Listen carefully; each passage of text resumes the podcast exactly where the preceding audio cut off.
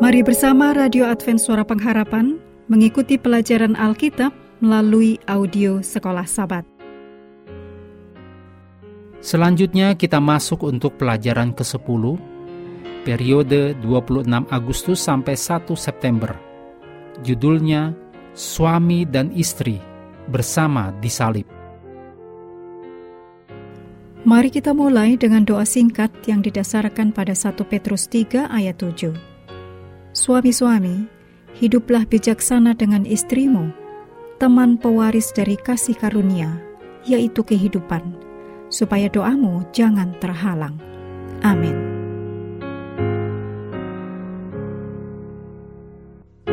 Untuk hari Sabat tanggal 26 Agustus, bacalah untuk pelajaran pekan ini dari Efesus 5 ayat 21 sampai 33, Filipi 2 ayat 3 dan 4, Yehezkiel 16 ayat 1 sampai 14, 2 Korintus 11 ayat 1 sampai 4 dan Kejadian 2 ayat 15 sampai 25.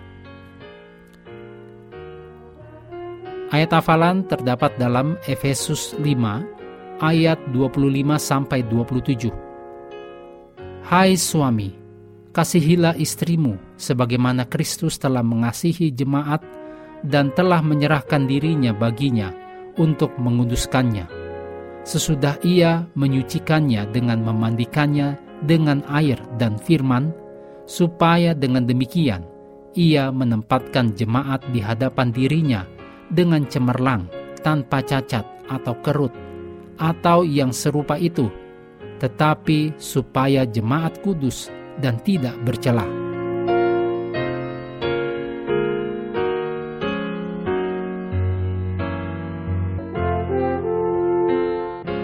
Dalam Efesus 5 ayat 21 sampai 33, Paulus membangun gagasan tentang saling merendahkan diri antar sesama orang percaya.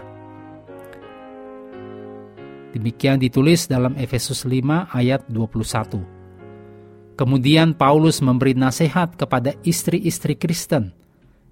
Ditulis dalam Efesus 5 ayat 22 sampai 24. Dan para suami tulis dalam Efesus 5 ayat 25 sampai 32. Dan Paulus mengakhiri dengan intisari dari instruksi kepada suami istri.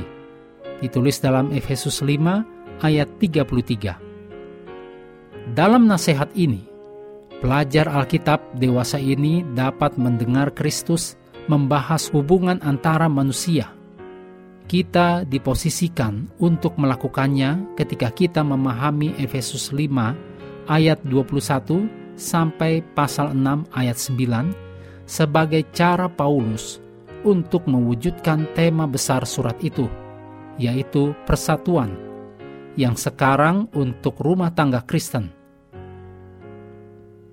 Sementara Paulus memberi kritik yang kuat terhadap susunan sosial yang cacat dari manusia lama yang ditulis dalam Efesus 4 ayat 22, dia juga melihat penciptaan manusia baru. Ditulis dalam Efesus 2 ayat 15, yang tertanam dalam kemanusiaan yang lebih luas dengan struktur sosial yang cacat.